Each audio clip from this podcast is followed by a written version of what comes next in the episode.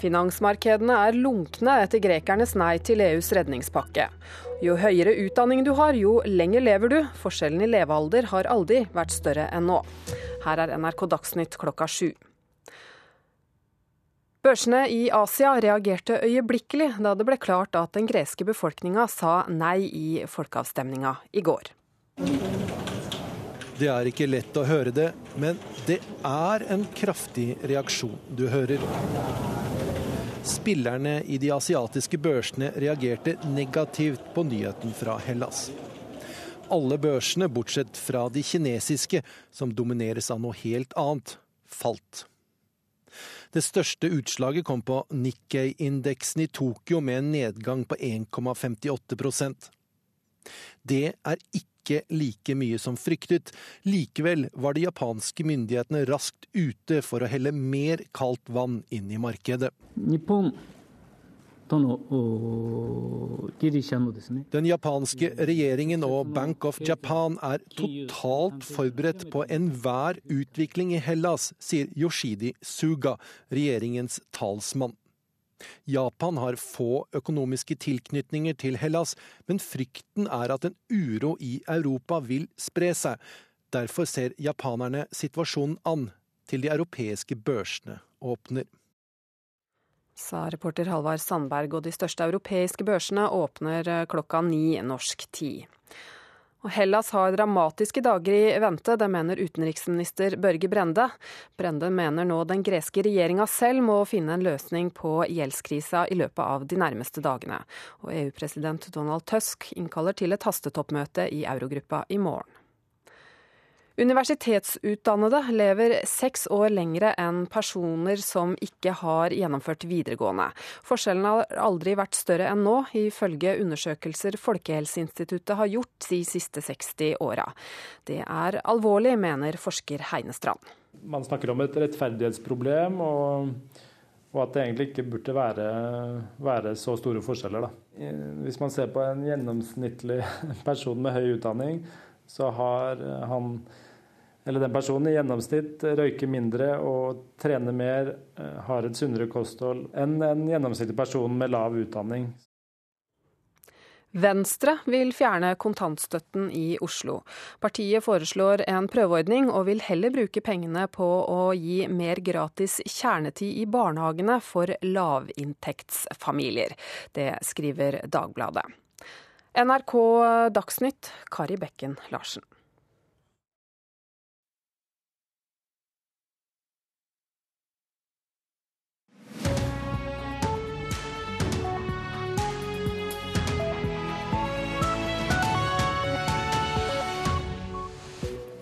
Øystein Heggen ønsker deg velkommen til Nyhetsmorgen, som fortsetter med disse sakene. Det er eh, dagen derpå etter grekernes nei. Vi tar straks inn vår reporter i Aten.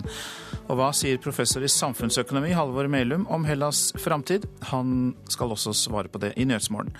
Jo høyere utdanning, jo lenger lever du, hørte vi i Dagsnytt. Og vi skal høre mer om forskjellene i levealder, som blir større og større, og hva vi kan gjøre med det. Og nattens eh, VM-finale i fotball mellom USA og Japan ble en målfest. Først til deg i Aten, reporter Su Tetmoen. Hvordan er reaksjonene på resultatet?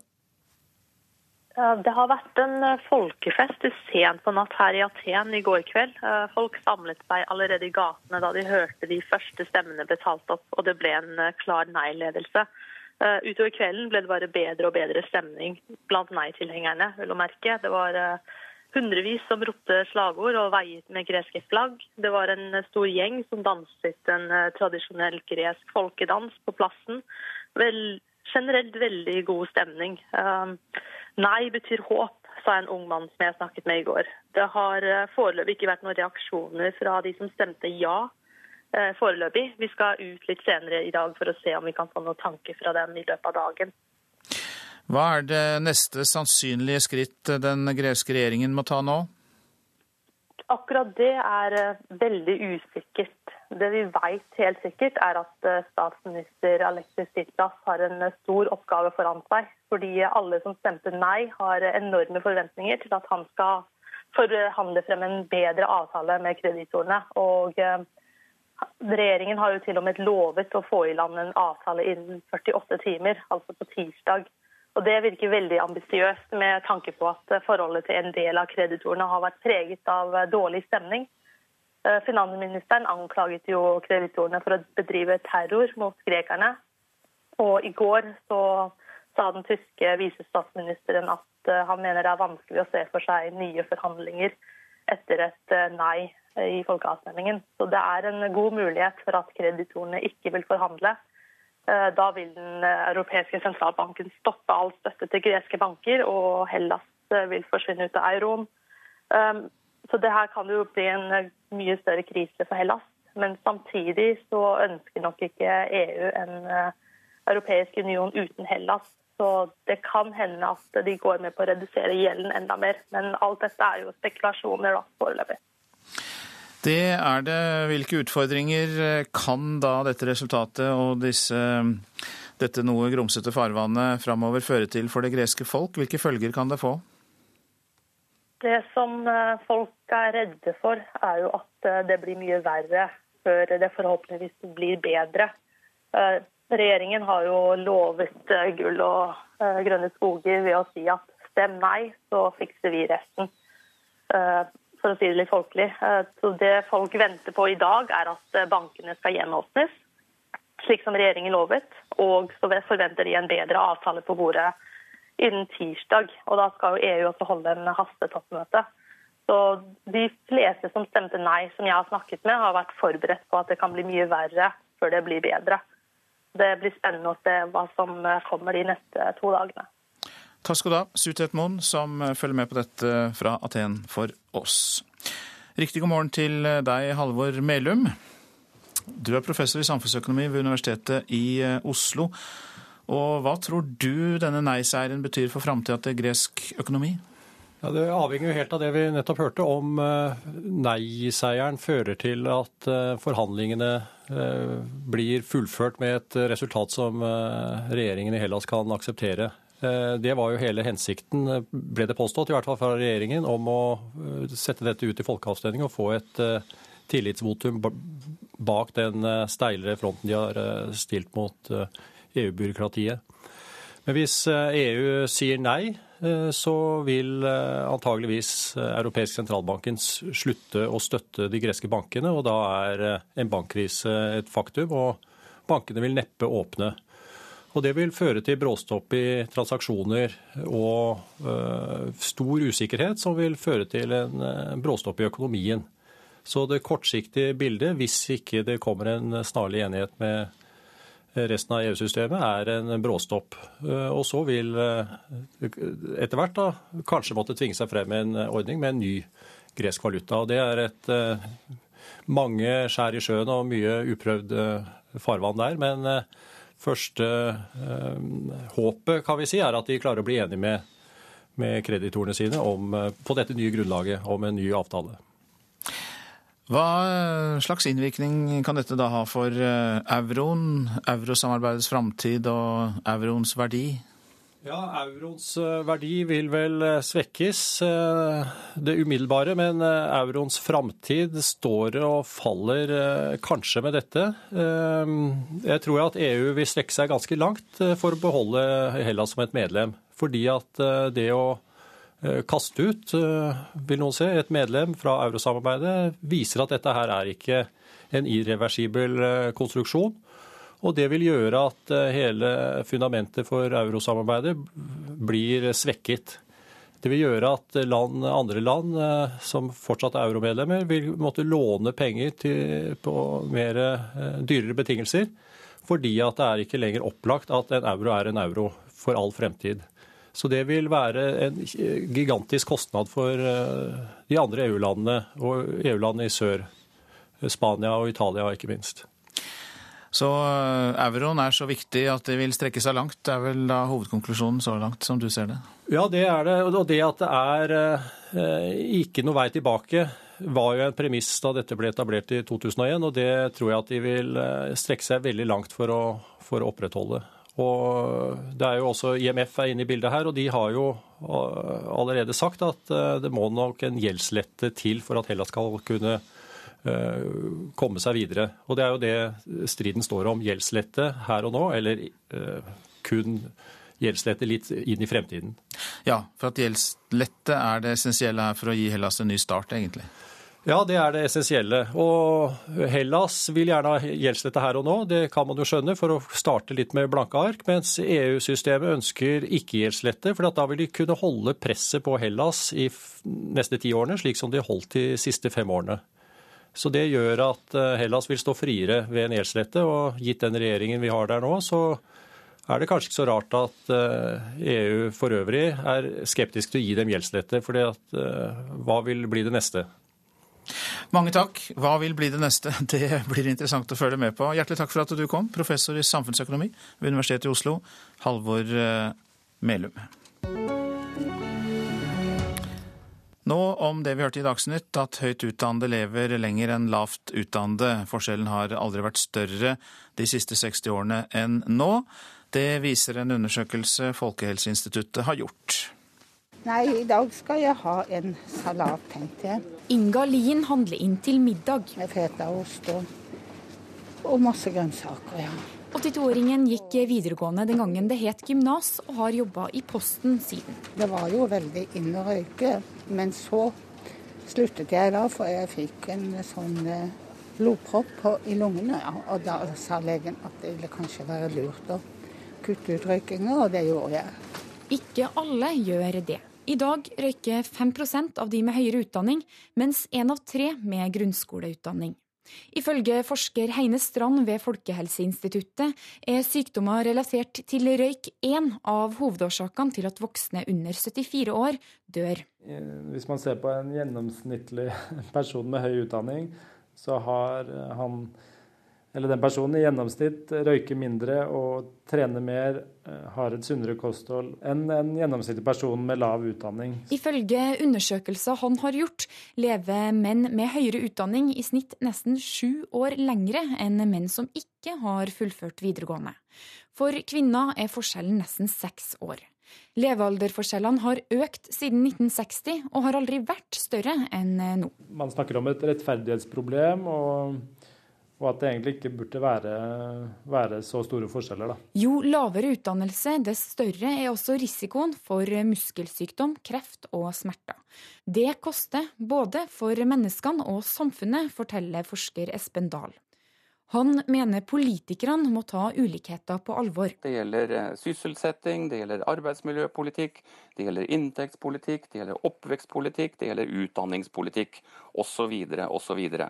Og så i, i, og med at eh, med helseproblemer og andre problemer det begynner eh, som regel, eh, eller ofte i hvert fall, veldig tidlig i livet, så er tidlig innsats det er helt vesentlig. Jeg har gått mye og syklet. Jeg løper hver dag. Også små grep i hverdagen kan forlenge livet, mener folk på gata i Oslo.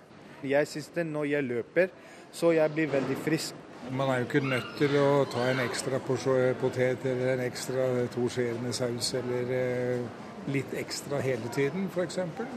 Ikke bare Mækkern og pizza hele tida. Hvorfor gjør du det? Nei, jeg har lyst til å gå på jakt og fiske når jeg er pensjonert. lyst til å leve lenge. Den reportasjen fikk vi fra Randi Elise Midtskog og eh, Marit Gjelland. Tone Trøen i helse- og omsorgskomiteen for Høyre, du er med oss på telefon. God morgen til deg. God morgen. Hva syns du om disse forskjellene du hører om her? Nei, jeg syns det er utfordrende. Vi ønsker å være et samfunn hvor, eh, hvor vi på en måte har mulighet, hvor vi skaper muligheter for alle, og hvor, eh, hvor forskjellene skal være så, så, små som mulig. Så det er, eh, det er en viktig utfordring å ta på alvor. Hva tror du er hovedårsaken? Jeg tror det er veldig mye som har endret seg de siste årene. Jeg tror kanskje at de som står utenfor arbeidslivet i dag, står mer utenfor enn tidligere. Jeg tror også at dette med utdanning er kjempeviktig. Eh, I dag er arbeidslivet veldig spesialisert. Og det å kunne ha en trygg og god jobb er viktig for oss alle sammen. og Derfor er utdanning og tidlig innsats i skolen, som, som også forskeren pekte på her, veldig viktig. Individuelt ansvar eller samfunnsansvar? Jeg vil si begge deler, men vi har et veldig stort ansvar eh, i samfunnet for å skape en god skole. Derfor er jo det å satse på lærerne det aller, aller viktigste vi kan gjøre i skolen. Eh, men også å sørge for at vi fanger opp de barn og unge som faller utenfor. Og En av de store utfordringene er jo psykiske helseplager. Som, eh, som gjør at mange, mange, går fra å være eh, i, i, utdanning og over i uførhet uten engang å komme inn i arbeidslivet. Det er en kjempeutfordring. Ja, ulikheten øker, og i dette tilfellet så er vi opptatt av dette med at de som har høyere utdanning, lever lenger enn de som ikke har det. Er eh, Høyre ditt parti det rette partiet for å utjevne ulikheter, eh, Tone Trøen? Vi gjør viktige grep eh, i regjering nå. Vi har jo innlemmet psykisk helse som en del av folkehelsearbeidet. Vi har satsa på lærerne. Et historisk løft for etter- og videreutdanning av lærere. Fordi vi vet at læreren er den viktigste innsatsen for elevene. Og så har vi skaffet og jobber, jobber fortsatt med å få flere helsesøstre, på en sterkere helsestasjonstjeneste, flere psykologer inn i kommunene. Jeg tror alle disse, alle disse faktorene er kjempeviktige for å eh, sørge for at barn og unge får en god oppvekst og skaffer seg en god utdanning og får mulighet til et trygt eh, arbeidsliv. Du peker på um, helse, på utdanning. Du er jo også da i helse- og omsorgskomiteen for uh, Høyre.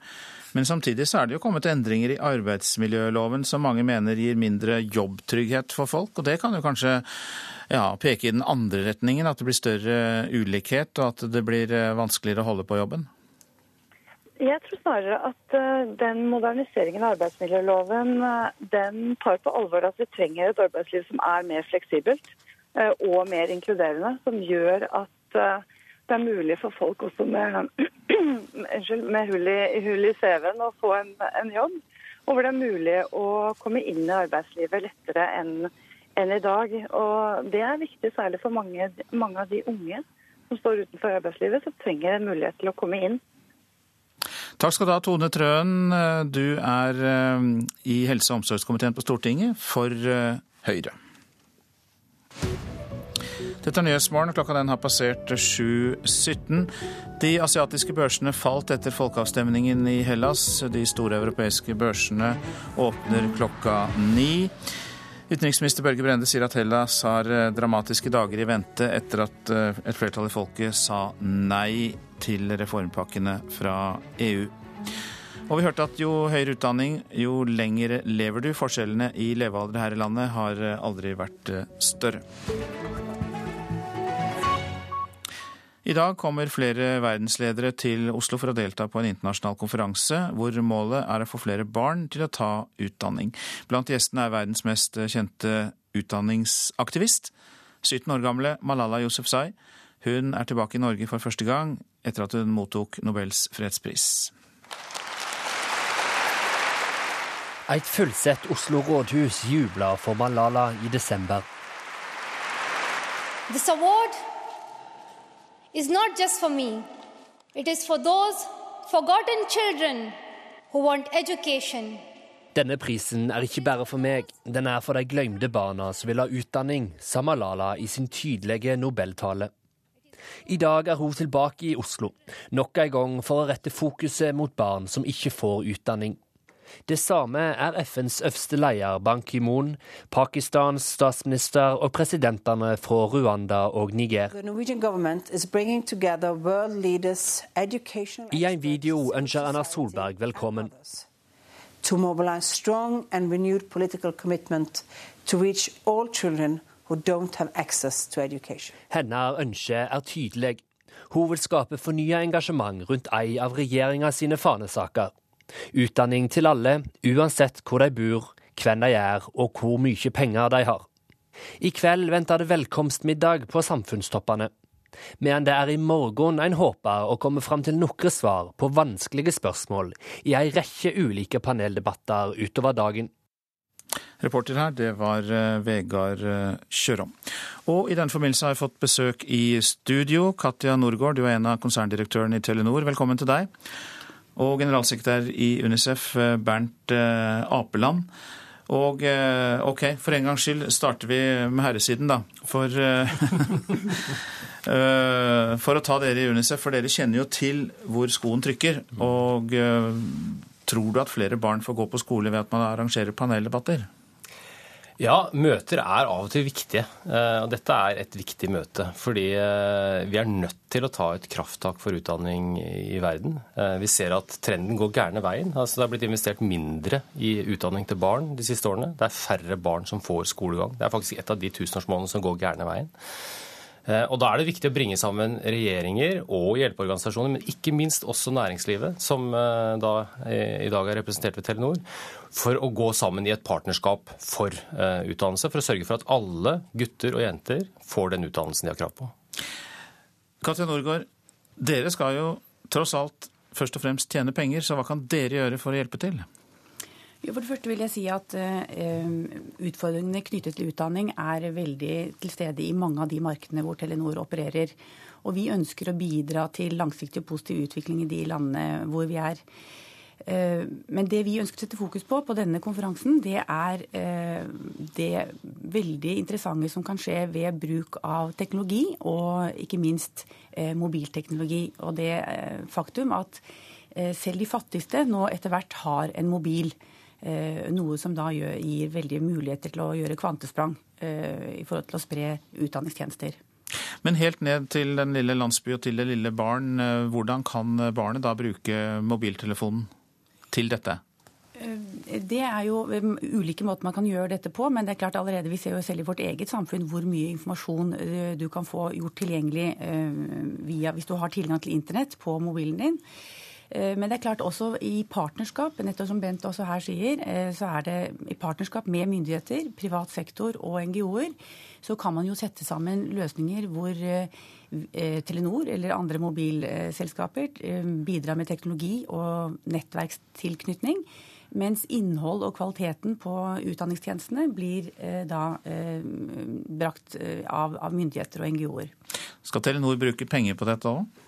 Vi bruker allerede eh, penger i den forstand at vi har et partnerskap med, med Unicef og med, også med andre. Og vi ser på hvordan vi kan utvikle den type løsninger. Men ikke minst så bidrar jo Telenor ved å altså bygge nettverkene i disse landene og å sikre at det er mobil infrastruktur også på landsbygda eh, i fattige land. Bernt Apeland, hva forteller erfaringene dere har eh, om hva som skjer med barn når de ikke får utdanning? La oss ta Syria da, som et eksempel. Ja, I Syria så er vi jo veldig redd for å få en tapt generasjon eh, som ikke bare ikke vil få de ferdighetene de trenger for å være med å bygge eh, et fremtidig Syria når freden er tilbake, men, men, de vil også miste muligheten til å eh, bygge sine egne liv. Hvis du ser på verdien av ett års skolegang for det enkelte mennesket, for det enkelte barnet, så betyr det 10% økning i lønna di. Hvis du ser på hele samfunnet, så betyr det en økning på 2-2,5% i bruttonasjonalproduktet. Å investere i utdannelse er eh, utrolig viktig, og ikke investere i utdannelse er nærmest en forbrytelse. Katja Norgard, du eh, nevnte jo bl.a. at dere er inne i flere land i Asia, ikke sant. Men eh, La oss tenke høyt rundt dette med et så ekstremt tilfelle som Syria. Hva kan dere og andre gjøre der, for dere er vel ikke inne der med noe bidrag på telesektoren? Nei, det er vi ikke. Og, og, det er naturlig for Telenor å bidra i de samfunnene vi er, for uh, utfordringene er store nok der. Uh, men jeg mener jo at uh, også i Syria, og ikke minst i flyktningleirer og den slags, så kan man også ta i bruk teknologi og, og, og, mobilnett og sette opp måte, begrensede nett osv. Så, videre. så igjen så, så, er det mer å tenke litt nytt rundt hvordan man skal løse disse enorme utfordringene. Til slutt eh, til deg, Bernt Apeland. Er det ett land som har gått foran og klart å få til dette med flere barn på skolen? En suksess? Rwanda er jo ett eh, godt eksempel, og presidenten der kom jo eh, til konferansen i morgen. Det er mange andre land som er i, i kjømda, men det er dessverre altfor langt igjen. Så vi må få opp farten, vi må ta et krafttak. Det var det dere fikk av taletid her. Dere får sikkert mer på denne konferansen. Hjertelig takk for at dere kom.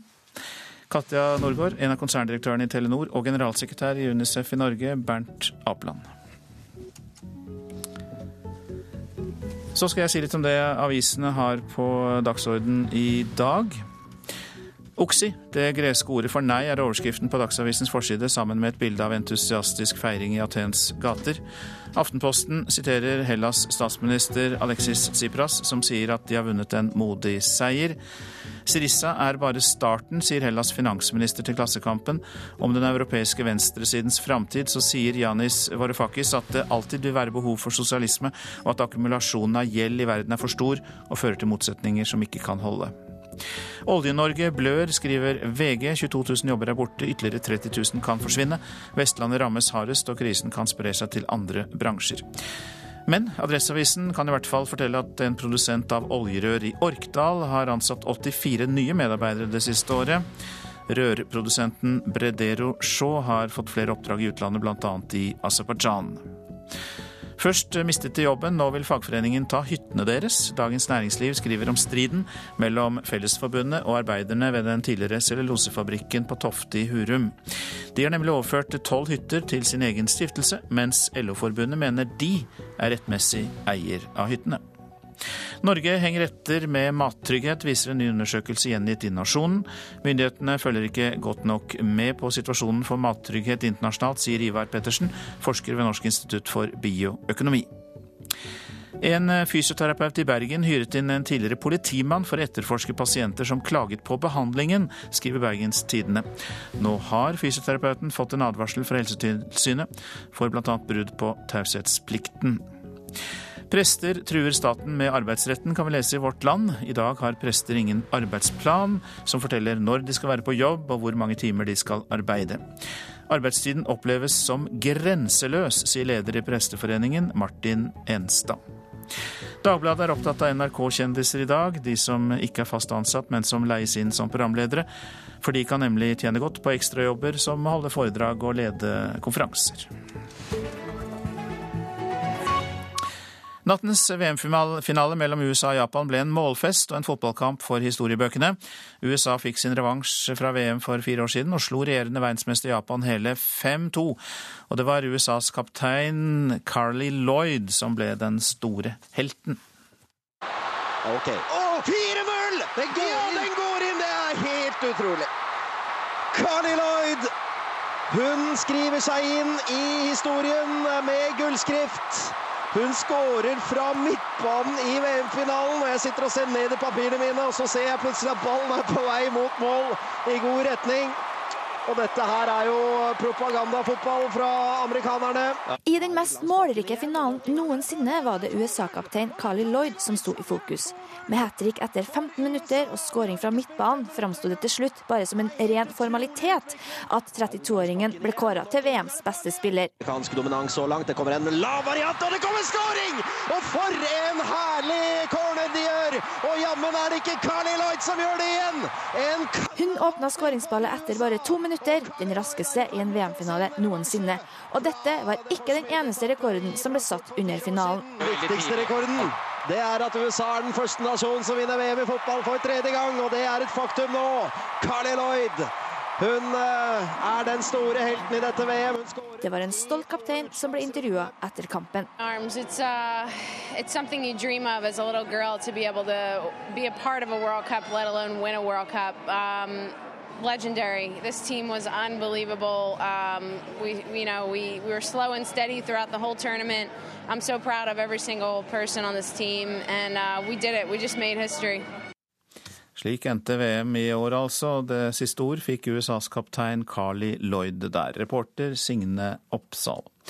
Så tar vi med at 400 arbeidsplasser ved Sydvaranger gruve i Kirkenes i Finnmark er reddet. Det er klart etter at gruveselskapet inngikk en ny avtale med sine hovedkreditorer og en ny salgsavtale med sin største kunde. Og avtalen sikrer da drift i fire måneder til. Pressetalsmann Harald Martinsen sier at det nå ser lysere ut for selskapet enn på lenge. Det var altså Sydvaranger gruver i eh, Kirkenes i Finnmark. Ja, dette er Nyhetsmorgen. Etter Dagsnytt skal vi høre at uh, ikke alle i Cuba og USA er like begeistret for at landene gjenåpner ambassader hos hverandre. Og i vår politiske sommerprat skal vi møte mannen som vil fjerne blåfargen i Oslo-politikken. Hør ekko. Ok, tankeeksperiment. Om 100 babyer klarer å vokse opp på en øde øy helt alene, og nå er i 20-årsalderen Forsiktig mens de speider rundt seg, trår de ut på den hvite sandstranden i bukten. Er da disse kvinner og menn bare hårløse dyr? Lever det uten språk og samfunn, kultur, eller kommer dette av seg selv fordi de er mennesker? Ekko rett etter Dagsnytt klokken ni. En time ekko i hele sommer mellom klokka ni og ti i NRK P2.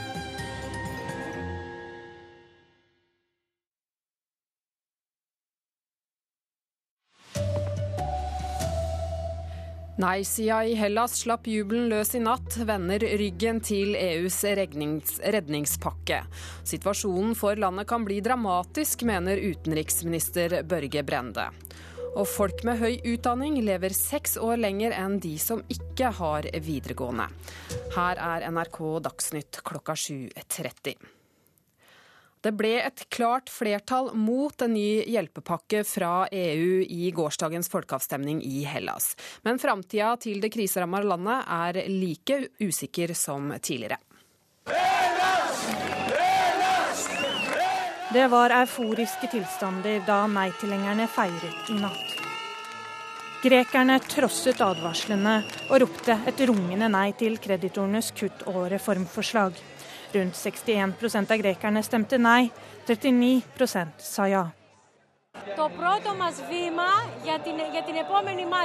Dette er vårt første skritt inn i vår neste kamp. Det er nå det virkelig begynner. Jeg tror ikke at ting plutselig blir perfekt, men dette er et skritt mot det stedet vi fortjener å være, sier Kristina, som feiret i natt. En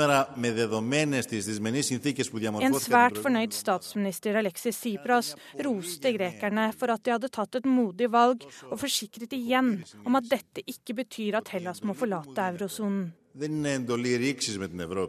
Dere har ikke gitt oss et mandat for å bryte med Europa, men for å styrke vår forhandlingsposisjon slik at vi kan få til en god avtale, sa Tsipras i natt. Men det store spørsmålet nå er hvordan kreditorene i EU og Det internasjonale pengefondet vil forholde seg til resultatet. Blir det nye forhandlinger, og vil kreditorene i så fall lette på kravene? EU-parlamentets president Martin Schultz sa følgende i natt. Dette er en vanskelig dag. Flertallet av grekerne har sagt nei, men etter min mening er ikke statsminister Sipras løfter om at dette vil gi dem en bedre forhandlingskort, sanne. Schulz mener grekerne står overfor en tøff tid. Den greske regjeringen har lovet at bankene vil åpne igjen i morgen, men hvor lenge de har penger å tilby, er svært usikkert. Vi bør fortest mulig begynne å diskutere et eventuelt humanitært nødhjelpsprogram for Hellas. Vanlige folk skal ikke måtte trenge å betale prisen for den dramatiske situasjonen som regjeringa har fått dem opp i, sa Schultz. Reporter Silje Herbro Landsverk. Med oss nå fra Aten er reporter Su Tetmoen. Hvordan er reaksjonene på dette avstemningsresultatet i dag? Ja, Som dere hørte på saken tidligere, så har det vært en folkefest her sent i natt her i Aten. Det var folk i gatene frem til, frem til midnatt, i det minste. Det har vært en veldig festlig stemning, og folk er stolte over at grekerne stemte for, for nei. Og de føler at dagen i dag var for å feires, og så får man finne veien videre sammen.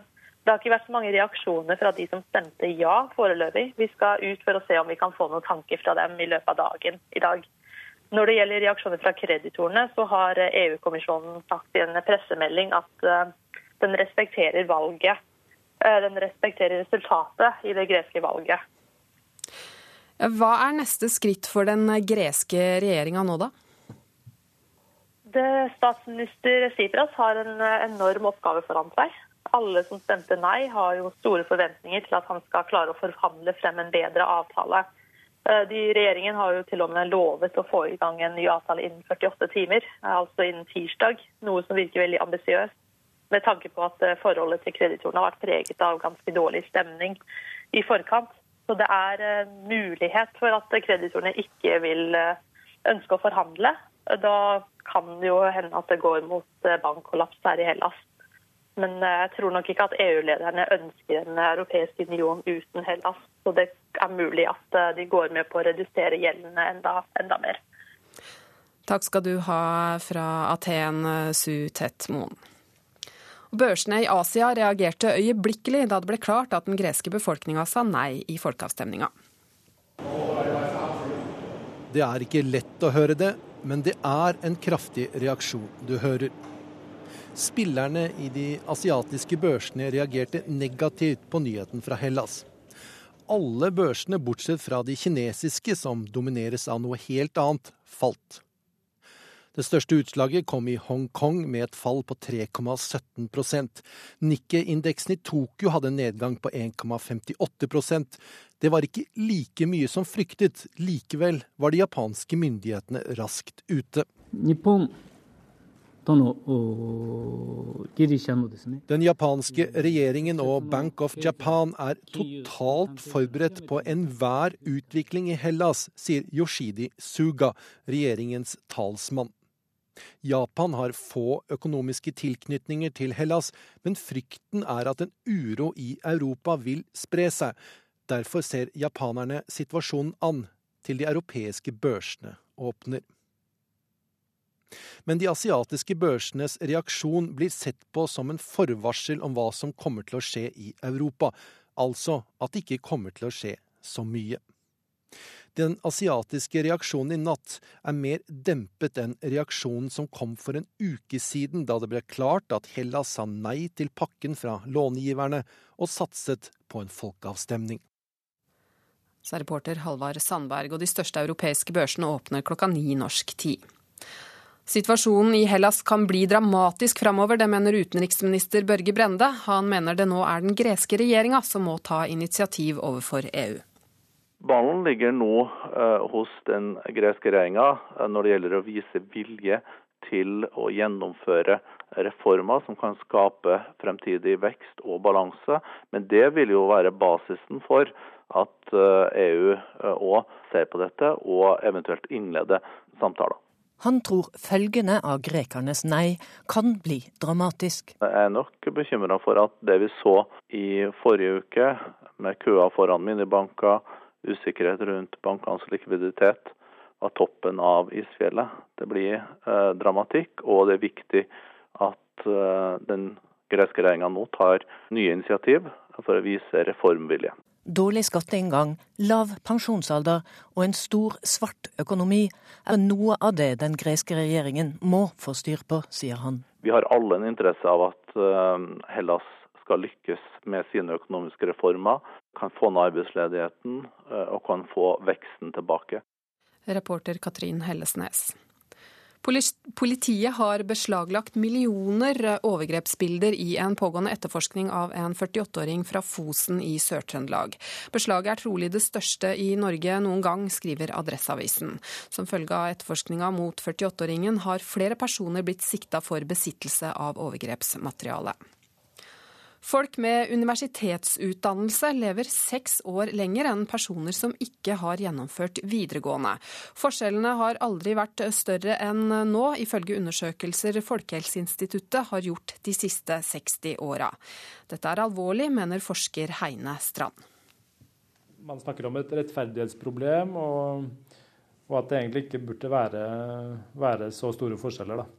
Ifølge undersøkelser han har gjort, lever menn med høyere utdanning i snitt nesten sju år lengre enn menn som ikke har fullført videregående. For kvinner er forskjellen nesten seks år. Levealderforskjellene mellom høyt og lavt utdanna i Norge har økt siden 1960, og ikke vært større enn nå. Hvis man ser på en gjennomsnittlig person med høy utdanning, så har han eller den personen i gjennomsnitt røyker mindre og trener mer, eh, har et sunnere kosthold enn en gjennomsnittlig person med lav utdanning. Det var jo veldig inn å røyke, men så sluttet jeg da, for jeg fikk en sånn eh, blodpropp. Jeg løper hver dag. Jeg syns det når jeg løper, så jeg blir veldig frisk. Små ting kan bedre helsa. Likevel, med lavere utdannelse øker risikoen for helseplager og sykdom. Politikerne må ta ulikhetene på alvor, mener forsker Espen Dahl. Det gjelder eh, sysselsetting, det gjelder arbeidsmiljøpolitikk, det gjelder inntektspolitikk, det gjelder oppvekstpolitikk, det gjelder utdanningspolitikk. Og så i, i og med at eh, med helseproblemer og andre problemer, det begynner eh, som regel, eller ofte i hvert fall, veldig tidlig i livet, så er tidlig innsats det er helt vesentlig. Ikke bare Mækkern og pizza hele tida. Hvorfor gjør du det? Nei, jeg har lyst til å gå på jakt og fiske når jeg er pensjonert. lyst til å leve lenge.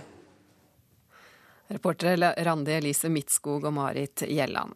Ansvarlig for denne sendinga Hans Jørgen Solli, teknisk ansvarlig Hans Ole Hummelvold og i studio Kari Bekken Larsen.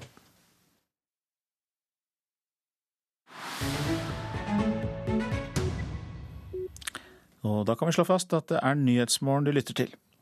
Cuba og USA ble i forrige uke enige om å gjenåpne sine ambassader, men eh, både på Cuba og i eksilmiljøet i USA er det blandede følelser. Wenche Eriksen rapporterer. Amigos televidentes, muy buenos días. Comenzamos esta transmisión especial de la televisión cubana. Ekstrasending på cubansk TV 1.7.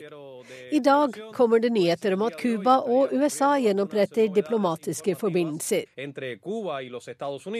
Og vi kan bekrefte at utenriksministeriet har fått overrakt et brev som presidenten i Amerikas forente stater har skrevet til Cubas president, sier programlederen.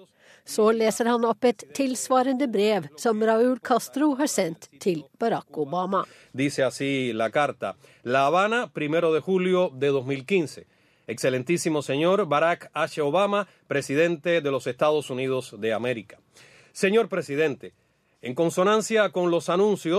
samsvar med tidligere kunngjøringer og høynivåsamtaler mellom våre to regjeringer, har jeg den glede å adressere dette brevet til deg for å bekrefte at republikken Cuba samtykker i å reetablere diplomatiske forbindelser med USA og åpne permanente diplomatiske stasjoner i våre respektive land den 20. juli 2015.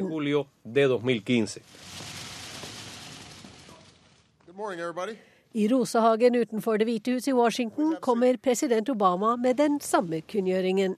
More than 54 years ago, at the height of the Cold War, the United States closed its embassy in Havana. Today, I can announce that the United States has agreed to formally reestablish diplomatic relations with the Republic of Cuba. USA stengte sin ambassade i Havanna for vel 54 år siden på høyden av den kalde krigen, sier mannen som ble født det året det skjedde. Gjenåpningen av våre gjensidige ambassader er et historisk skritt mot normale relasjoner mellom våre to land og folk. To proudly raise the American flag over our embassy once more. I Havanna følger folk med på ekstrasendingen med Obamas tale. Eh, Som Obama nevner, så skal ambassadene hjelpe til med kommunikasjonen mellom våre to land. Og hvis de kommer for å samarbeide og hjelpe, som de sier, ja, så er det bra, mener Lazaro Rodriguez.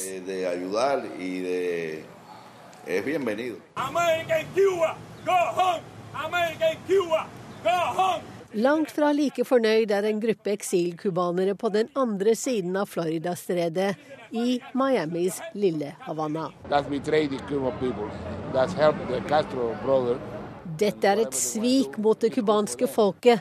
Nå får Castro-brødrene gjøre hva de vil.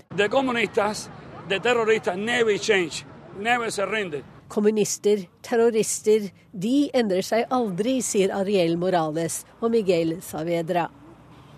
Men ikke alle er like negative. Vi beveger oss i riktig retning, men vi kan ikke glemme menneskerettighetsbruddene på Cuba. Det virker som om det er regimet der som tjener på dette, mener Jessica Perez.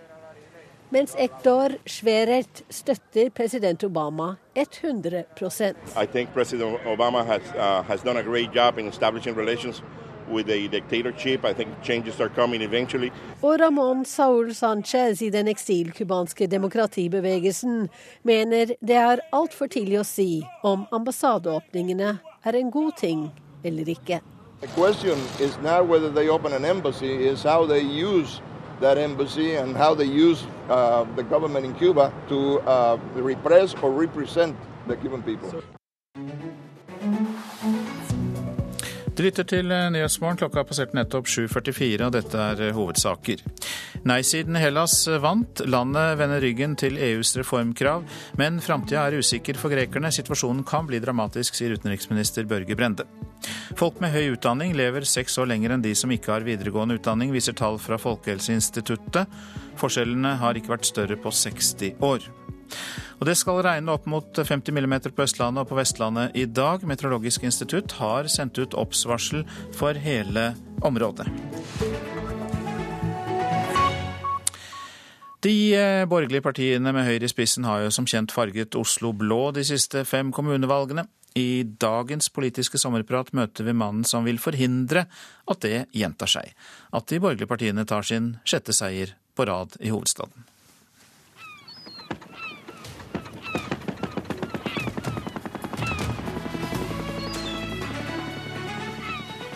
Politisk sommerintervju i Nyhetsmorgen.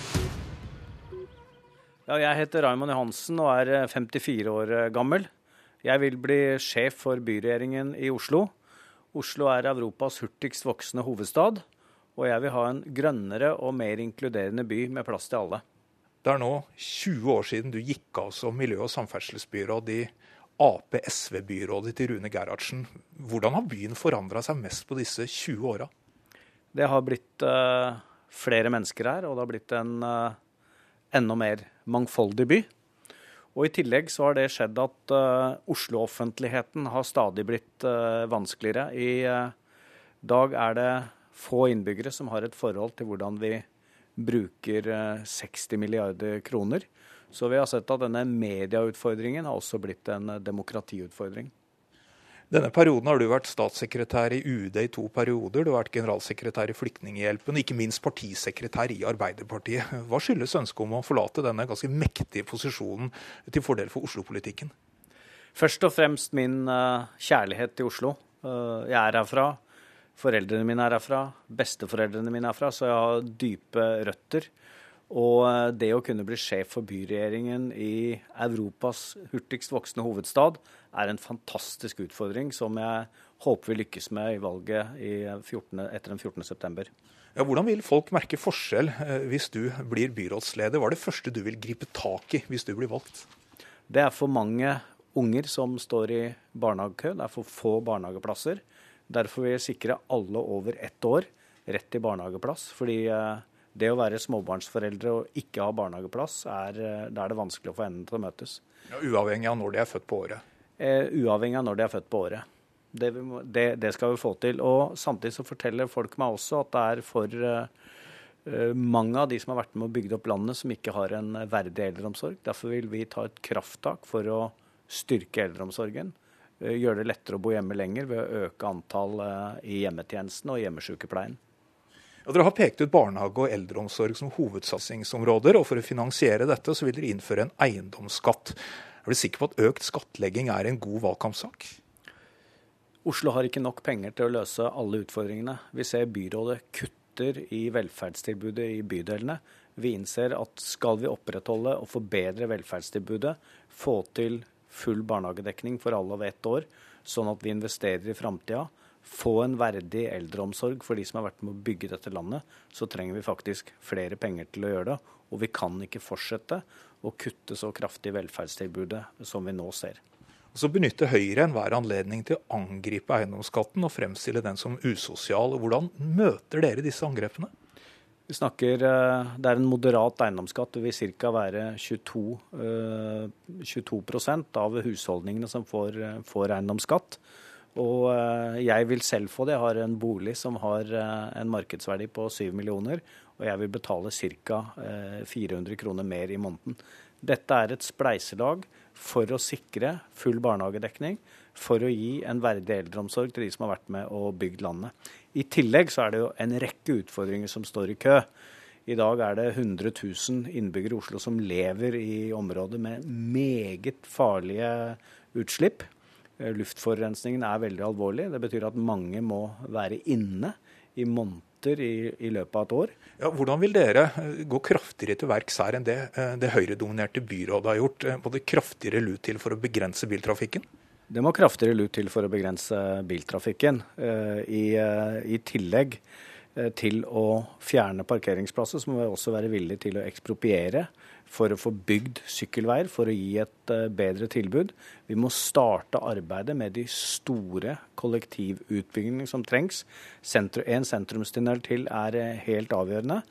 Og så uh, må vi ha begrensninger av privatbilen inn, inn, mot sentrum. og Det er en utvikling som nå presser seg fram, ikke minst pga. luftforurensningsproblemene og fordi at vi stadig blir flere. Skal vi greie å nå de klimamålene vi har satt oss, så er vi avhengig av at eh, økningen tas med kollektiv, gang og sykkel. Og sykkelveiutbyggingen har nesten stoppet opp. Oslo kan overhodet ikke kalle seg en sykkelby. Er det for noen områder du vil si at Oslo er vanstyrt av det høyredominerte byrådet gjennom snart 20 år? Heldigvis så har eh, kommunene i eh, Norge nytt godt av at det har vært bl.a. en rød-grønn regjering som har sørga for å gi mye penger til eh, det offentlige, gi mye penger til kommunene. Nå ser vi at vi går inn i en fase hvor vi har Høyre og Frp som eh, foretrekker å gi gigantiske skattekutt til de som har mye fra før av, framfor å gi velferd ut til kommunene. Så eh, det er vel ingen kommuner i dag som er direkte vanstyrt, men er fortsatt selvfølgelig avhengig av å få penger. Mye tyder på at hvis du skal bli byrådsleder, så må du ha støtte fra Miljøpartiet De Grønne. Hvordan skal du overbevise dem at du har bedre miljøløsninger enn byrådet, som jo mange vil hevde er dratt ganske langt i grønn retning, eh, spesielt av Venstre? Når det er 100 000 i Oslo lever i forhold med meget høy luftforurensning, når vi ser at de har bygd fem meter sykkelvei om dagen, de har ikke vært villige til å gjøre noe med parkeringspolitikken. Så ser jeg nå i forbindelse med valget nå at de kommer med en masse forslag. Men det har, gått, det har vært for lite, for seint. Vi trenger et taktskifte på miljøpolitikken. Og eh, det skal jeg garantere at vi får til. Og håper selvfølgelig å få andre med på det laget. Så har jeg respekt for at Miljøpartiet De Grønne har sagt at uh, de vil vente med å avklare det etter valget. Så da får en legge fram den mest troverdige miljøpolitikken etter valget. Ja, det sa Oslo Arbeiderpartiets Raymond Johansen. Han var i en samtale der med reporter Olav Juven. Regjeringens ungdomspartier spår at eh, det neste år blir innført betydelig høyere grense for boligsparing for ungdom, BSU. Fremskrittspartiets ungdomsorganisasjon vil øke maksimalgrensen for hvor mye man kan spare, med minst 50% Her er FpU-formann Atle Simonsen. Allerede i første statsbudsjett så økte Siv Jensen BSU-grensa, det var vi veldig fornøyd med. Men vi ønsker å pushe på at den fortsetter å øke, sånn at ungdom får en reell mulighet til å betale det kapitalkravet som bankene stiller. Etter at de blå kom til makta, økte maksgrensene for hvor mye man kunne spare til bolig og få skattefordel. De blå ungdomspartiene forventer enda en økning allerede nå. Det er fortsatt sånn at eh, man må ha hjelp hjemmefra. Det er det ikke alle av oss som kan få. Eh, og hvis BSU skal eh, virke sånn at det skal hjelpe unge inn på boligmarkedet, så må den økes kraftig. Sier nestleder i Unge Høyre, Sandra Bruflot. Nylig fortalte vi i NRK at unge aldri har spart så mye til bolig som de tre første månedene i år. BSU-innskuddene økte med 1,6 milliarder kroner. Ja, Det vi har sett de første tre månedene i år, er jo en eh, si, unormalt stor inngang på BSU eh, sparekonto. Og, og, Grunnen til det tror jeg at det er veldig sterkt fokus nå på det å spare til boligkjøp, egenkapital. Og det er selvfølgelig slik at uh, når renta er lav, så blir de gunstige rentevilkårene og skattefordelene i BSU-ordninga svært attraktive. Så det gjør nok at stadig flere benytter den ordninga. Sa fagsjef i Finans Norge, Rolf Mæle. BSU-ordninga er en subsidiert boligsparing hvor man kan få betydelig skattelette i tillegg til mye høyere rente enn hva man får på annen type sparing. Fremskrittspartiungdommen krever en økning slik at man kan spare 40 000 kroner per år og 300 000 kroner totalt. Det er en økning på omtrent 50% fra dagens nivå. Alt som er en kraftig økning er vi fornøyd med, men eh, det er også viktig at den ikke stopper, at den fortsetter å øke i takt med boligprisutviklingen. Mener Unge Høyre-nestleder Sandra Bruflot. Ingen i Finansdepartementets politiske ledelse kunne stille til intervju i dag, men fra statssekretær Jon Georg Dale får vi følgende svar på e-post. Endringer i sparebeløp avgjøres i de årlige budsjettene. Der har vi tidligere vist at vi prioriterer unge som vil spare. Og kostnadene mener FpU-formannen Atle Simonsen fint kan dekkes inn gjennom f.eks. å kutte i bistands- og landbruksbudsjettene. Ja, Det er klart det koster eh, å gi ungdom skattelette, men jeg mener uansett det er riktig. Eh, og Til sammenligning så bruker vi i dag eh, over 120 millioner kroner på f.eks. bistand til Kina. Ja, i dette innslaget så hørte vi altså Atle Simonsen fra FpU og Unge Høyres Sandra Bruflot og reporter Linda Reinholsen. Og så er det dere i uh, Unge Venstre, Tord Hustveit. Ditt moderparti er jo et støtteparti for regjeringen. Men dere er ikke så begeistret for å heve BSU-grensen? Nei, vi er litt skeptiske til å heve den BSU-grensa. Det er et eller annet som ikke fungerer med det norske boligmarkedet. Vi har en oppblåsning av boligpriser. Vi har en kraftig økning i gjeld. Eh, og vi, tror ikke vi at løsningen på det er å pumpe enda mer penger inn der. Eh, at vi må gjøre noe mer med de grunnleggende utfordringene. Hvordan skal da ungdommen komme lettere og billigere inn i boligmarkedet? Nei, jeg tror eh, Det er jo mye vanskeligere å komme inn på boligmarkedet nå enn tidligere. Men jeg tror det vi må gjøre da, er at vi må ha Eh, lytte til Scheel-utvalget, som har sagt at vi skal ha en beskatning eh, hvor man beskatter bolig og aksjer likt, sånn at man ikke får den oppblåsninga av eh, boligmarkedet som vi har i dag. Men det er en sånn langsiktig løsning. Dette kan vel kanskje, hvis dere får til det, og det er ikke så lett å få til det med den regjeringen dere støtter? Jeg har tillit til at regjeringa kommer til å se på det Scheel-utvalget har lagt fram. Og så kommer det til å komme med en del gode løsninger der. Med økt boligskatt? Det får vi se på. Eh, men så er jeg skeptisk til å øke BSU-grensa. Problemet når det gir alle mer penger til å gå inn på boligmarkedet, er at der blir det ikke noe lettere å komme seg inn. Det blir bare enda høyere boligpriser. Eh, og er det noe Norge ikke trenger nå, så er det en økt, økt oppblåsning av det boligmarkedet.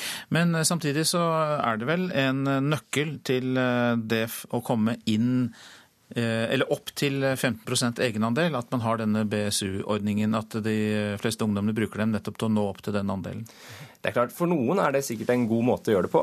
Eh, for noen er det ikke det. Og da er spørsmålet, I dag subsidierer vi de som er på innsida av boligmarkedet veldig veldig tungt. Eh, og de som står utenfor, får veldig lite. Eh, BSU er med på å gi de som står innafor, enda mer. Og For meg så skal staten være til for å gi folk like muligheter, gi folk mulighet til å lykkes i livet. Og Her ser man at her har man en skjev overføring, hvor man gir fra de som har mye, til de som har lite. Og Da syns jeg det er bedre å si at greit, vi senker skattenivået for alle, istedenfor å senke skattenivået for noen få. Eh, og Det samme Scheel-utvalget har jo sagt at BSU-en bør egentlig fjernes. Fordi det er med på å gi et høyere skattenivå. Det gjør det vanskeligere for norsk næringsliv å konkurrere, og det gjør det vanskeligere for folk å komme i jobb. Hindrer de, at, hindrer de som ikke er på innsida, å komme inn. Men si litt mer om hvorfor BSU da er urettferdig og slår positivt ut for noen og ikke for andre. Ja, det er klart, Noen får jo penger av foreldre til å spare. Eh, andre har en jobb som gjør at de kan sette til side mye og spare.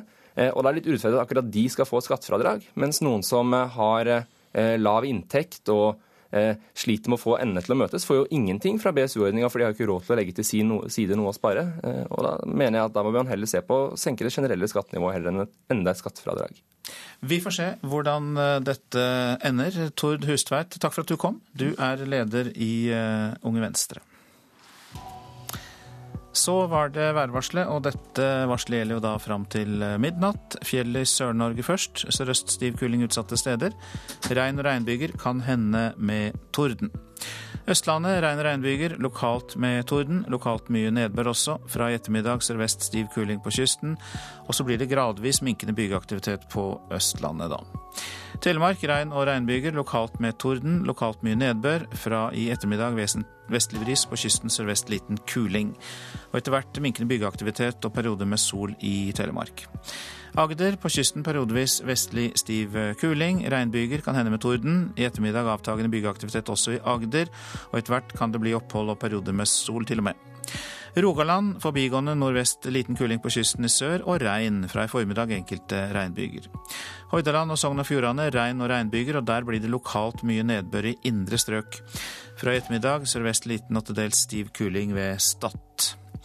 Møre og Romsdal oppholdsvær, men fra i formiddag regn og lokalt mye nedbør. Det blir sørvest stiv kuling på kysten fra i formiddag i Møre og Romsdal. Og Så går vi til Trøndelag. Der blir det faktisk oppholdsvær, men fra i ettermiddag kan det bli regn der.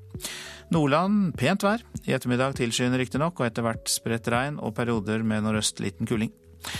Troms får eh, regn, fra i formiddag periodevis stiv kuling.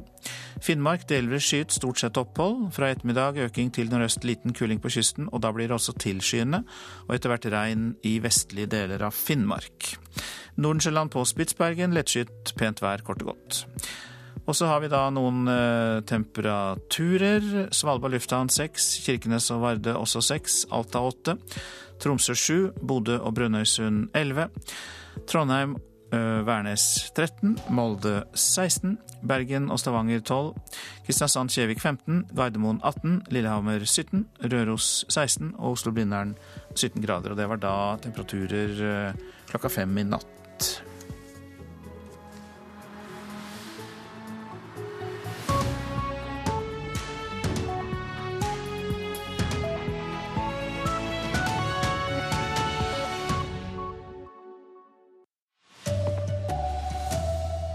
Hellas finansminister går av til tross for nei-flertall i folkeavstemninga.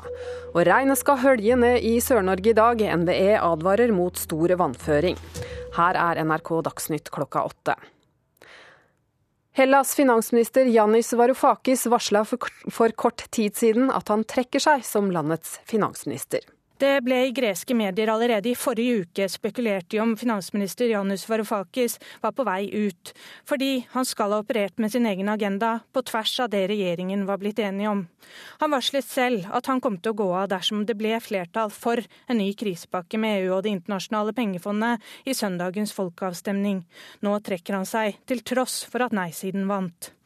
Etter at resultatet fra avstemningen ble klart, ble jeg opplyst om at enkelte fra eurogruppen ikke ønsker min tilstedeværelse på møtene. Statsministeren vurderer det slik at han vil ha bedre sjanse for å oppnå en avtale dersom jeg går av nå, skriver Varufakis på sin blogg. Så reporter Silje Herbro Landsverk.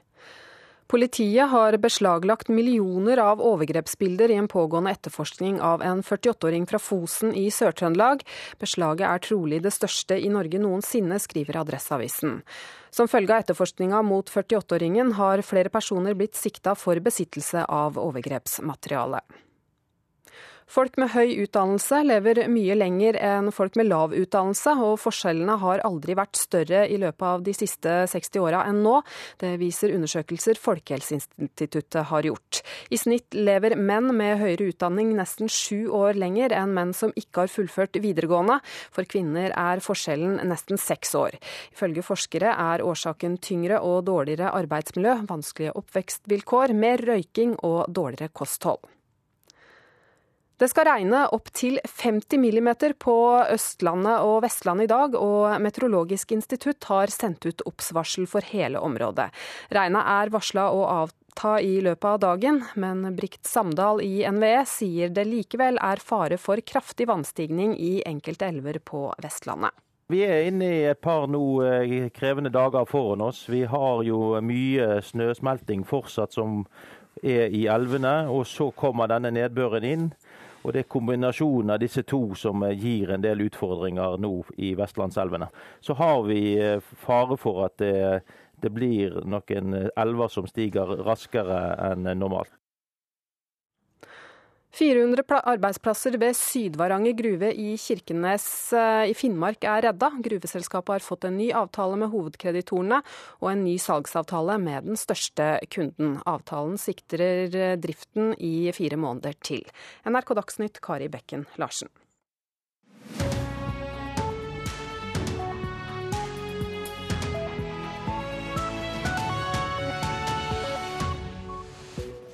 Også her i Nyhetsmorgen må vi snakke om Hellas. Hva skjer nå? Spørsmålene står i kø, vi tar noen av dem her.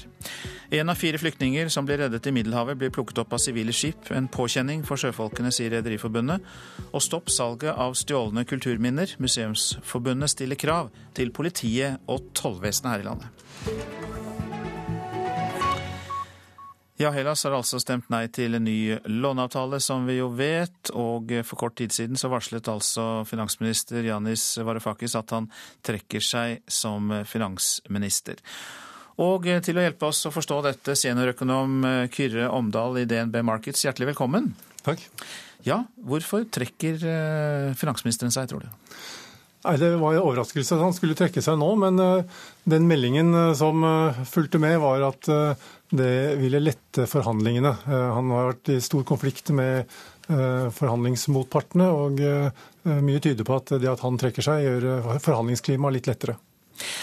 Hva tror du om mulighetene for å få til forhandlinger? For det har jo vært eh, mange stemmer i EU som har sagt at nei, nå er eh, de siste bruene brent for Hellas. Det er nok slik at eh, det er muligheter å få til forhandlinger enda, men det er jo ikke åpenbart at vilkårene blir noe lettere, selv om Hellas ensidig har sagt nei til de forslagene som så, så langt har ligget på, på, bordet. Dessuten er det jo slik at nå skal de jo forhandle om, eller prøve å forhandle om en, oss si, en, en ny redningspakke. Eh, mens det de har forhandlet om fram til utgangen av juni, har vært den pågående eh, redningspakken og utbetaling av de siste beløpene derifra. Dette begrepet redningspakke jeg går ut fra at flertallet av grekerne ikke akkurat oppfatter det som noen redning. Hva, hva har det da vært i det, disse redningspakkene som de har eh, reagert på? Disse redningspakkene har jo sitt utspring i at Hellas hadde stor gjeld, stort sett til private institusjoner.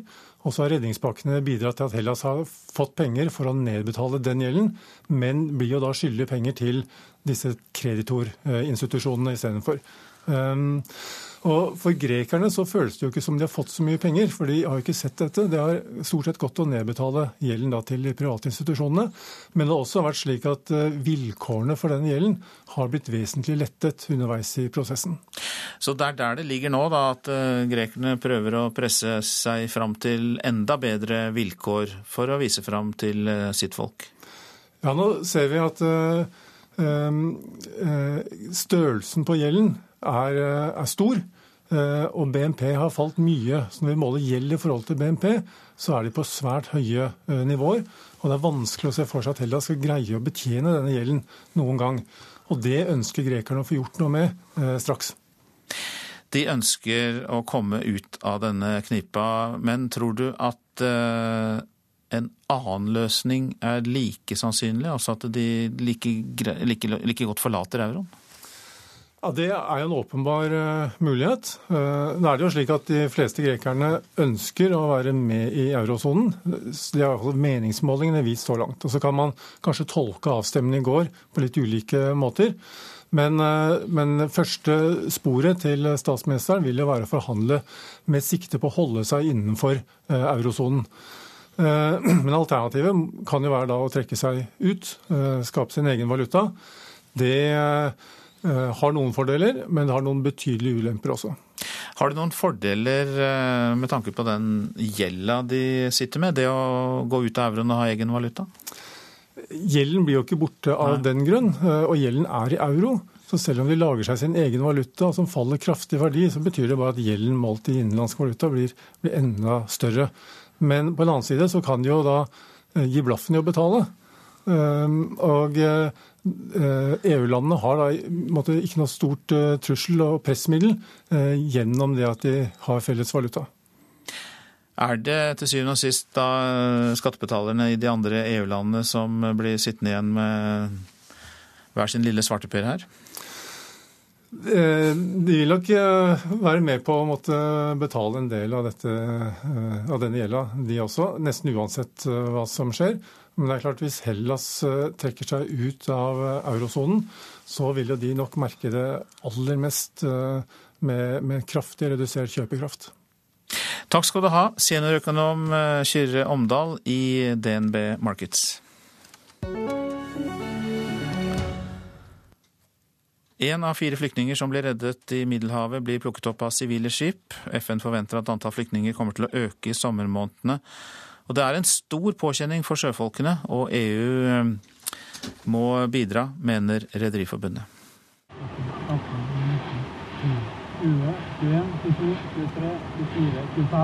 Kystvakta teller opp flyktninger som de har plukka opp fra en liten båt i Middelhavet.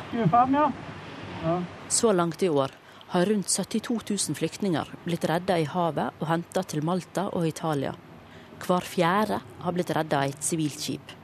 For mannskapet er dette sterke inntrykk, forteller administrerende direktør i Norsk Rederiforbund, Sturla Henriksen. Veldig mange av mannskapene utsettes for veldig sterke emosjonelle eh, inntrykk. Både gleden ved å redde folk, men ikke minst eh, den desperate fortvilelsen når de finner hele familier druknet i vannet. Så langt i år har to norske sivile skip vært med på å redde flyktninger. Ja, bare i eh, området mellom eh, Libya, eh, Tunisia og eh, Italia og Malta, så er det til enhver tid mellom 10 og 30 eh, norske skip. Og i dag skal Sturle Henriksen fortelle EU-parlamentet om hva erfaringer de norske skipene har. Jeg kommer til å gi våre vurderinger av uh, situasjonen. Jeg uh, kommer til å si til dem at dette er en humanitær katastrofe som vokser i omfang og intensitet. Ifølge FNs flyktningkontor, UNHCR, har 140 000 flyktninger krysset havet til Italia og Hellas så langt i år. Og mange flere kommer til å komme i løpet av sommermånedene. Derfor mener Henriksen at EU burde øke redningsressursene ute på havet. Det er veldig viktig og veldig fint at EU har trappet opp innsatsen. Og Norge yter jo der også et bidrag. CM Pilot gjør en kjempejobb der nede. Samtidig så ser vi at antall flyktninger øker kraftig. Og vi ser også endringer i sammensetning av hvor de kommer fra og hvor de drar til. Reportere her, det var Fredrik Lauritzen og Julia Loge. Politiet og tollvesenet bør gå til aksjon for å stoppe ulovlig salg av kulturminner fra Midtøsten. Det mener Museumsforbundet. I går fortalte NRK Dagsrevyen at flere norske museer har fått tilbud om å kjøpe kulturminner fra det krigsherjede Syria og Irak. Og Jødisk museum i Oslo er ett av dem som har fått slikt tilbud. Dette er da en av disse filmene jeg fikk tilsendt med noen skriftruller som vi videresendte til politiet. Han viser frem videobilder av gult papir bundet sammen med tykt tau. Mats Tangestuen ved Jødisk museum i Oslo ble kontaktet av en mann som lurte på om museet var interessert i å kjøpe jødiske skriftruller, som skal være flere tusen år gamle. I går fortalte NRK Dagsrevyen at flere norske museer har fått tilbud om å kjøpe kulturminner fra krigsherjede områder i Syria og Irak. Jeg vil oppfordre politiet og tollvesenet til å sette inn mer ressurser og jobbe mer med dette og ha fokus på dette fremover. Det sier generalsekretær i Museumsforbundet Liv Ramskjær. Og kanskje ta en ny aksjon, sånn som den de hadde rundt 2004. Og det bidrar nok til at flere ble litt engstelige ute i de kriminelle miljøene. Underdirektør i Toll- og avgiftsdirektoratet Liv Rundberget sier at de ikke har planlagt noen kontrollaksjon, men at de jobber med problematikken. Tollvesenet bruker de ressursene som er på alle grensepasseringssteder. Og I denne forbindelsen så har vi bedt tollerne være ekstra oppmerksom på kulturminner spesielt fra Syria og Irak. Og så jobber vi nå med en veileder som skal gi litt ekstra informasjon til de som jobber med i kontrollen. Vi har ikke planer om kontrollaksjon på dette området, men hvis det er aktuelt, så regner vi med at Økokrim tar kontakt med oss, så kan vi eventuelt planlegge dette. Første statsadvokat Hans Tore Høviskeland i Økokrim sa til Dagsrevyen i går at salg av stjålne kulturminner fra Midtøsten er med på å finansiere terror, og at de nordiske landene vil samarbeide tett om å hindre ulovlig omsetning av kulturminner fremover. Men forsker og arkeolog ved Universitetet i Oslo, Josefine Munch Rasmussen, mener det ikke er nok at tollvesenet og politiet bruker mer ressurser. Og det er heller ikke realistisk at man skal kunne stoppe dette her utelukkende ved politimetoder eller gjennom tollvesenet. Det må være et fagmiljø som har en oppmerksomhet, og som er de som kan si fra når ting dukker opp. For det er disse tingene de vil Når ting som dette kommer, så vil det bli tilbudt til kjøpesterke samlere, forhandlere, auksjonshus og museer. Og da er det viktig at de er oppmerksomme og har en bevissthet. Vi informerer museene om det og har gjort det nå i vår. Det sier generalsekretær i Museumsforbundet Liv Ramskjær. Men vi vet jo fra jobbing med dette feltet at både museumsfolk og folk flest og ansatte i politi og toll ikke har nok kunnskap om dette området, og at den bør styrkes. Reporter her, det var Eirin Venås Sivertsen.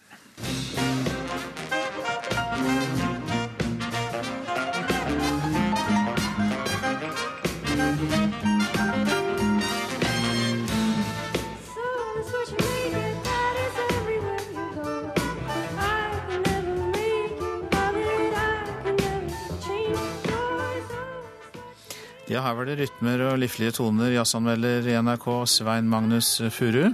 Ja, det var det. Hvem var det vi hørte? Dette her var eh, Ensemble Denada med Mari Kvien Brunvoll. Eh, et av eh, mange fine, øy, fine øyeblikk under Kongsberg Jazzfestival i år.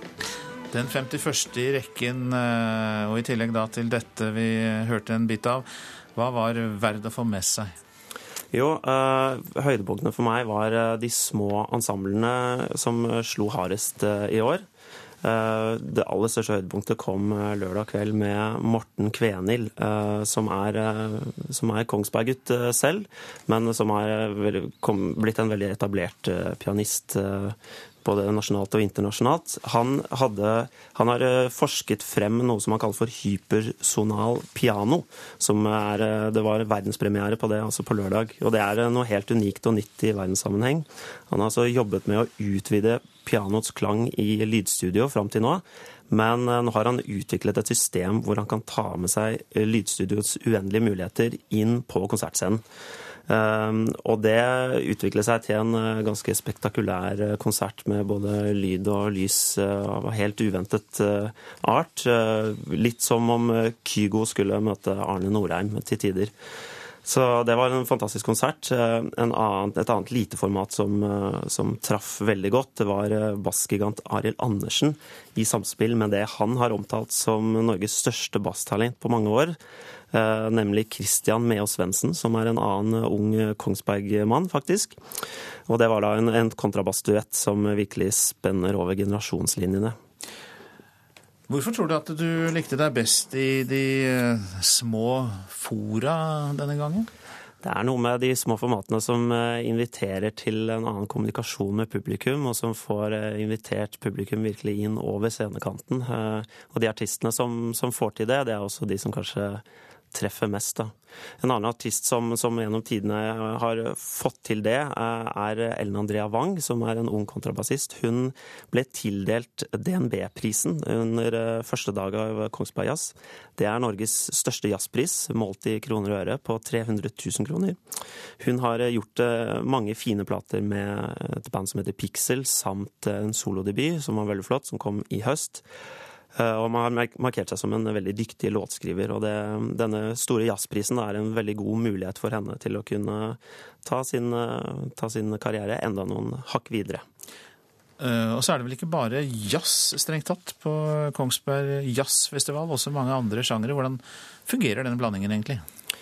Den fungerer nok eh, godt målt i kroner og øre på bunnlinja til Kongsberg Jazzfestival, i det minste. Eh, det var eh, Altså, vi fikk på, på Kirketorget, som er liksom den største scenen, så fikk vi bl.a. konserter med Van Morrison, Røyksopp, High As A Kite og, og Dr. John og andre veldig store internasjonale popartister, eller innenfor ja, i hvert fall et lite stykke utenfor jazzløypa. da. Eh, og det er jo klart at det er en veldig, blitt en veldig viktig del av festivalenes inntekt, og det, det skal de få lov til å ha i fred. Men, eh, men, det er også visse problemer med disse konsertene. Det er mange som, som Det blir mye røll på, sånn på de konsertene som ikke nødvendigvis er rettet inn mot eh, jazzpublikummet. Men de, de, klarer altså da å dekke og få en slags sånn økonomisk inndekning sikkert da, for de mer smalere uttrykkene. Eh, og Kongsberg Jazz er veldig flinke til å ta inn også de, de smale jazzuttrykkene og mer eksperimentelle musikken inn i programmet. Det har de alltid vært, og det var de også i år. Jeg syns det var der de store, de store tingene foregikk, på de litt smalere delene av programmet. Ja, jeg, jeg, aner en viss skepsis fra vår kjære jazzanmelder til disse store arrangementene på torget der. Ja, en, en viss, skepsis, viss skepsis, for det blir, det blir, så lite fokus på musikken. Da, du, hvis, med mindre du står helt foran for scenen, så er det, det er nesten vanskelig å få med seg hva som foregår. Så, så det, jeg er litt skeptisk til det. Men jeg skjønner jo at det er en, en essensiell del av festivalens økonomi å ha sånne konserter. Hjertelig takk for at du tok deg tid til å komme inn i vårt studio, Svein Magnus Furu, som er jazzanmelder for NRK. Du lytter til Nyhetsmorgen. Klokka er passert nettopp 8.18, og vi har disse hovedsakene. Hellas' finansminister Janis Varoufakis trekker seg som landets eh, finansminister. Det kan lette forhandlingene med EU, sa seniorøkonom eh, Kyrre Omdal i DNB Markets i Nyhetsmorgen nettopp. En av fire flyktninger som blir reddet i Middelhavet, blir plukket opp av sivile skip. Det er en påkjenning for sjøfolkene, sier Rederiforbundet, som vil ha større innsats fra EU. Og eh, stopp salget av stjålne kulturminner. Museumsforbundet stiller nå krav til politi og tollvesen om mer kontroll. Nå om bystyret i Oslo som vil frata kirken ansvaret for begravelser. Kommunen har derfor bedt regjeringen om å endre gravferds- og kirkeloven. Kulturbyråd Halstein Bjerke fra Venstre mener nemlig at det er kommunen, som trosnøytral part, som bør ha ansvaret for å gravlegge landets borgere. Dagens lov jeg beskriver som utdatert. Eh, jeg mener den var utdatert allerede i 1975. I dag står det nemlig i loven at det er Kirkelig fellesråd som står for forvaltningen av begravelser i Norge. Et enstemmig bystyre mener det er feil og gammeldags, og kulturbyråden ber nå om at loven endres, slik at det er kommunene som overtar ansvaret for begravelser. Loven bryter med trosfriheten, mener Halstein Bjerke. I en by som er så sammensatt som Oslo, så mener jeg at det er feil at ett trossamfunn skal representere eh, alle. Mange ønsker ikke å være representert av eh, Kirken, og jeg mener på prinsipielt nivå så handler dette om trosfrihet. Det handler om friheten til å velge religion, og friheten til å velge en religion bort. Derfor kan ikke ett trossamfunn ha ansvar for en handling våre døde ikke kan velge bort. Kirkevergen i Oslo kristelige fellesråd, Robert Wright, er derimot uenig i at kirken skal bli tatt ifra alt ansvar. Han mener kirken er godt rustet for å ha ansvaret for begravelsesforvaltningen. Nei, altså 99% av kommunene i landet, der er det kirkelige fellesråd som står for dette. Og det fungerer bra. Jeg har ikke kjennskap til at det er noen steder man har eh, påklaget det på noen måte. Vi sier at vi skal være med på dette. Eh, fordi vi har en verdiforankring, eh, og som eh, sånn sett også representerer det andre trossamfunn har i den samme sammenheng. I Oslo er ansvaret for begravelser delt mellom kommunen og kirken. Dette er en mellomløsning som egentlig er ulovlig, og som varer ut 2016. Halstein Bjerke mener det er lite gunstig at løsningen strider imot loven. Det mener jeg jo er uheldig, og det er vi klar over, og det er Kirkelig fellesråd i Oslo også klar over. Eh, I Oslo så er det den kommunale gravferdsetaten som for alle praktiske formål gjør dette i dag. De gravlegger våre døde, de tar vare på gravlundene våre. Eh, men i dag gjør vi dette på Kirkens nåde. Vi ønsker at loven skal slå fast at eh, kommunen som trosnøytral har dette ansvaret. Og vi legger til at Kulturdepartementet ikke kunne stille til intervju, men skriver da til NRK at de nå vil invitere til et møte for å diskutere denne saken. Reporter Charlotte Oliversen. En eh, stor del av Bergen sentrum er ødelagt pga. byens nye svømmehall. Ja, det mener flere fagfolk. Byrådet er for så vidt enig i at nybygget ble vel stort, men at eh, slikt skjer når arkitektkonkurranser blir eh, internasjonale, sier eksperter. Det er er like før han skal ha et foredrag for 100 amerikanske kolleger. Den Oslo-baserte arkitekten Stein Halvorsen. Stedet er Bergen brannstasjon. Bygget som en halvbue i tre med duse rustfarger og glassvinduer som ser ut mot Store Lungegårdsvann og det bergenske landemerket Ulriken. Brannstasjonen, som er vurdert til flere arkitektpriser, fikk i fjor en ny nabo svømmehall Ado Arena. Det er jo Du må si det der rett, rett ut at det er en katastrofe. Og ikke bare for brannstasjonen, men jeg syns nok for hele området her. Svømmehallen, som ble høytidelig åpnet av statsminister Erna Solberg i fjor høst, kan beskrives som en stor, hvit kasse med rektangulære partier i pastellfarger. Stein Halvorsen, som tegnet brannstasjonen, konkurrerte også om å tegne svømmehall. Nå mener han denne delen av Bergen sentrum er blitt ødelagt. Du ser det også når du kommer fra Flesland. Så er det, det er jo den du ser nå. Så den ligger og sperrer da for, for det fine landskapsrommet som tross alt eh, beskriver Bergen. Det var seks forslag som konkurrerte om å bli Bergens nye svømmehall. Juryformannen i konkurransen er eiendomssjef i Hordaland fylkeskommune. Helge Håvatun vil ikke la seg intervjue av NRK. I en e-post peker han på at juryen var enstemmig, hadde flere arkitektutdannede medlemmer, og legger til Jeg vil presisere at eh, selv om jeg var leder av juryen, har jeg ikke arkitekturfaglig bakgrunn. En som vil snakke, er Aksel Sømme. Han er landskapsarkitekt med 36 års erfaring i Norge. Nå tror han det blir vanskelig å redde dette området av Bergen. Det setter, setter spilleregler for veldig mange andre. Og jeg tror det er veldig vanskelig å gjøre, gjøre det bygget godt. Og gjøre den delen av, av byen godt. Så jeg, jeg tror det at man ikke har tenkt sammenheng eh, når man har eh, bygget bygget, er veldig leit. Ja, det var jo hvor, hvor stort bygget ble. Dette er Henning Warlo. Som byråd for idrett var det han som bestilte svømmehallen. Nå er han byråd for byutvikling, og har dermed ansvaret for å utvikle området svømmehall ligger i. Også han reagerte på størrelsen Ado Arena fikk. Disse to byggene, etter mitt skjønn, spiller nok ikke sammen. Og jeg hørte til de som ble ganske forbauset når jeg skjønte hvor stort eh, det nye eh, svømmeanlegget og skolen ble. Og Bergen er langt fra alene om å slite med store bygg som ikke tar hensyn til omgivelsene. Over hele landet får man slike problemer, ifølge arkitekturpsykolog Eirik Glambekk Bø. Årsaken er internasjonaliseringen av arkitektkonkurranser, med byråer som sitter helt andre steder enn i byene de tegner for. De, de, er ofte åpne. De, de, inviterer kontorer fra alle land i verden til å delta. Da får du ofte en hovedvekt av arkitekter som ikke har lokal forankring og lokal kjennskap. Etter at foredraget er ferdig, står arkitekt Sten Halvorsen igjen utenfor Bergen brannstasjon og kikker over på den nye, store naboen. Er dette området litt ødelagt nå? Ja, jeg syns det er ødelagt nå. Den, den der har, har ødelagt. Mikael Olsen Lerøen hadde laget det innslaget. Oxy, det greske ordet for nei, er overskriften på Dagsavisens forside, sammen med et bilde av en entusiastisk feiring i Atens gater. Aftenposten siterer Hellas statsminister Alexis Tsipras, som sier at de har vunnet en modig seier. Sirissa er bare starten, sier Hellas finansminister til Klassekampen. Janis Varoufakis, som nå går av, som vi hørte, sier at det alltid vil være behov for sosialisme, og at akkumulasjonen av gjeld i verden er for stor og fører til motsetninger som ikke kan holde. Olje-Norge blør, skriver VG. 22 000 jobber er borte, ytterligere 30 000 kan forsvinne. Vestlandet rammes hardest, og krisen kan spre seg til andre bransjer. Men Adresseavisen kan i hvert fall fortelle at en produsent av oljerør i Orkdal har eh, ansatt 84 nye medarbeidere det siste året. Rørprodusenten Bredero Shaw har fått flere oppdrag i utlandet, bl.a. i Aserbajdsjan.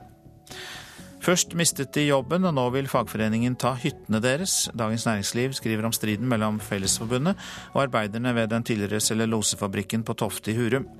De har overført tolv hytter til sin egen stiftelse, mens LO-forbundet mener at det er de som er rettmessig eier av hyttene. Norge henger etter med mattrygghet, viser en ny undersøkelse gjengitt i Nasjonen. Myndighetene følger ikke godt nok med på situasjonen for mattrygghet, sier Ivar Pettersen, forsker ved Norsk institutt for bioøkonomi. En fysioterapeut i Bergen hyret inn en tidligere politimann for å etterforske pasienter som klaget på behandlingen, skriver Bergens Tidende. Nå har fysioterapeuten fått en advarsel fra Helsetilsynet for brudd på taushetsplikten. Prester truer staten med arbeidsretten, kan vi lese i Vårt Land. I dag har prester ingen arbeidsplan som forteller når de skal være på jobb og hvor mange timer de skal arbeide. Arbeidstiden oppleves som grenseløs, sier leder i Presteforeningen, Martin Enstad. Dagbladet er opptatt av NRK-kjendiser som ikke er fast ansatt, riktignok, men som leies inn som programledere. For de kan nemlig tjene godt på ekstrajobber som å holde foredrag eller lede konferanser. Nattens eh, VM-finale mellom USA og Japan ble en målfest og en fotballkamp for historiebøkene. USA fikk sin revansj fra VM for fire år siden og slo regjerende verdensmester Japan hele 5-2. Og det var USAs kaptein Carly Lloyd som ble den store helten. Okay. Oh, 4-0! Den, ja, den går inn! Det er helt utrolig. Carly Lloyd hun skriver seg inn i historien med gullskrift. Hun skårer fra midtbanen i VM-finalen. og Jeg sitter og ser ned i papirene mine, og så ser jeg plutselig at ballen er på vei mot mål i god retning. Og dette her er jo propagandafotball fra amerikanerne. I den mest målrike finalen noensinne var det USA-kaptein Carly Lloyd som sto i fokus. Med hat trick etter 15 minutter og skåring fra midtbanen framsto det til slutt bare som en ren formalitet at 32-åringen ble kåra til VMs beste spiller. Amerikansk dominans så langt. Det kommer en lav variant, og det kommer skåring! Og for en herlig corner de gjør! Og jammen er det ikke Carly Lloyd som gjør det igjen! En Hun åpna skåringsballet etter bare to minutter, den raskeste i en VM-finale noensinne. Og dette var ikke den eneste rekorden som ble satt under finalen. viktigste rekorden. Det er at USA er den første nasjonen som vinner VM i fotball for tredje gang, og det er et faktum nå. Carly Lloyd. Hun eh, er den store helten i dette VM. Hun Det var en stolt kaptein som ble intervjua etter kampen. arms. It's uh, it's something you dream of as a little girl to be able to be a part of a World Cup, let alone win a World Cup. Um, legendary. This team was unbelievable. Um, we, you know, we, we were slow and steady throughout the whole tournament. I'm so proud of every single person on this team, and uh, we did it. We just made history. Det sa USAs kaptein Carly Lloyd. Reporter her, det var Signe Oppsal. I den siste halvtimen av Nyhetsmorgen kan du høre reaksjoner på grekernes nei til EUs reformkrav fra lederne i Nei til EU og Europabevegelsen. Og det er økt skepsis blant kongresspolitikerne i USA til forhandlingene med Iran om landets atomprogram.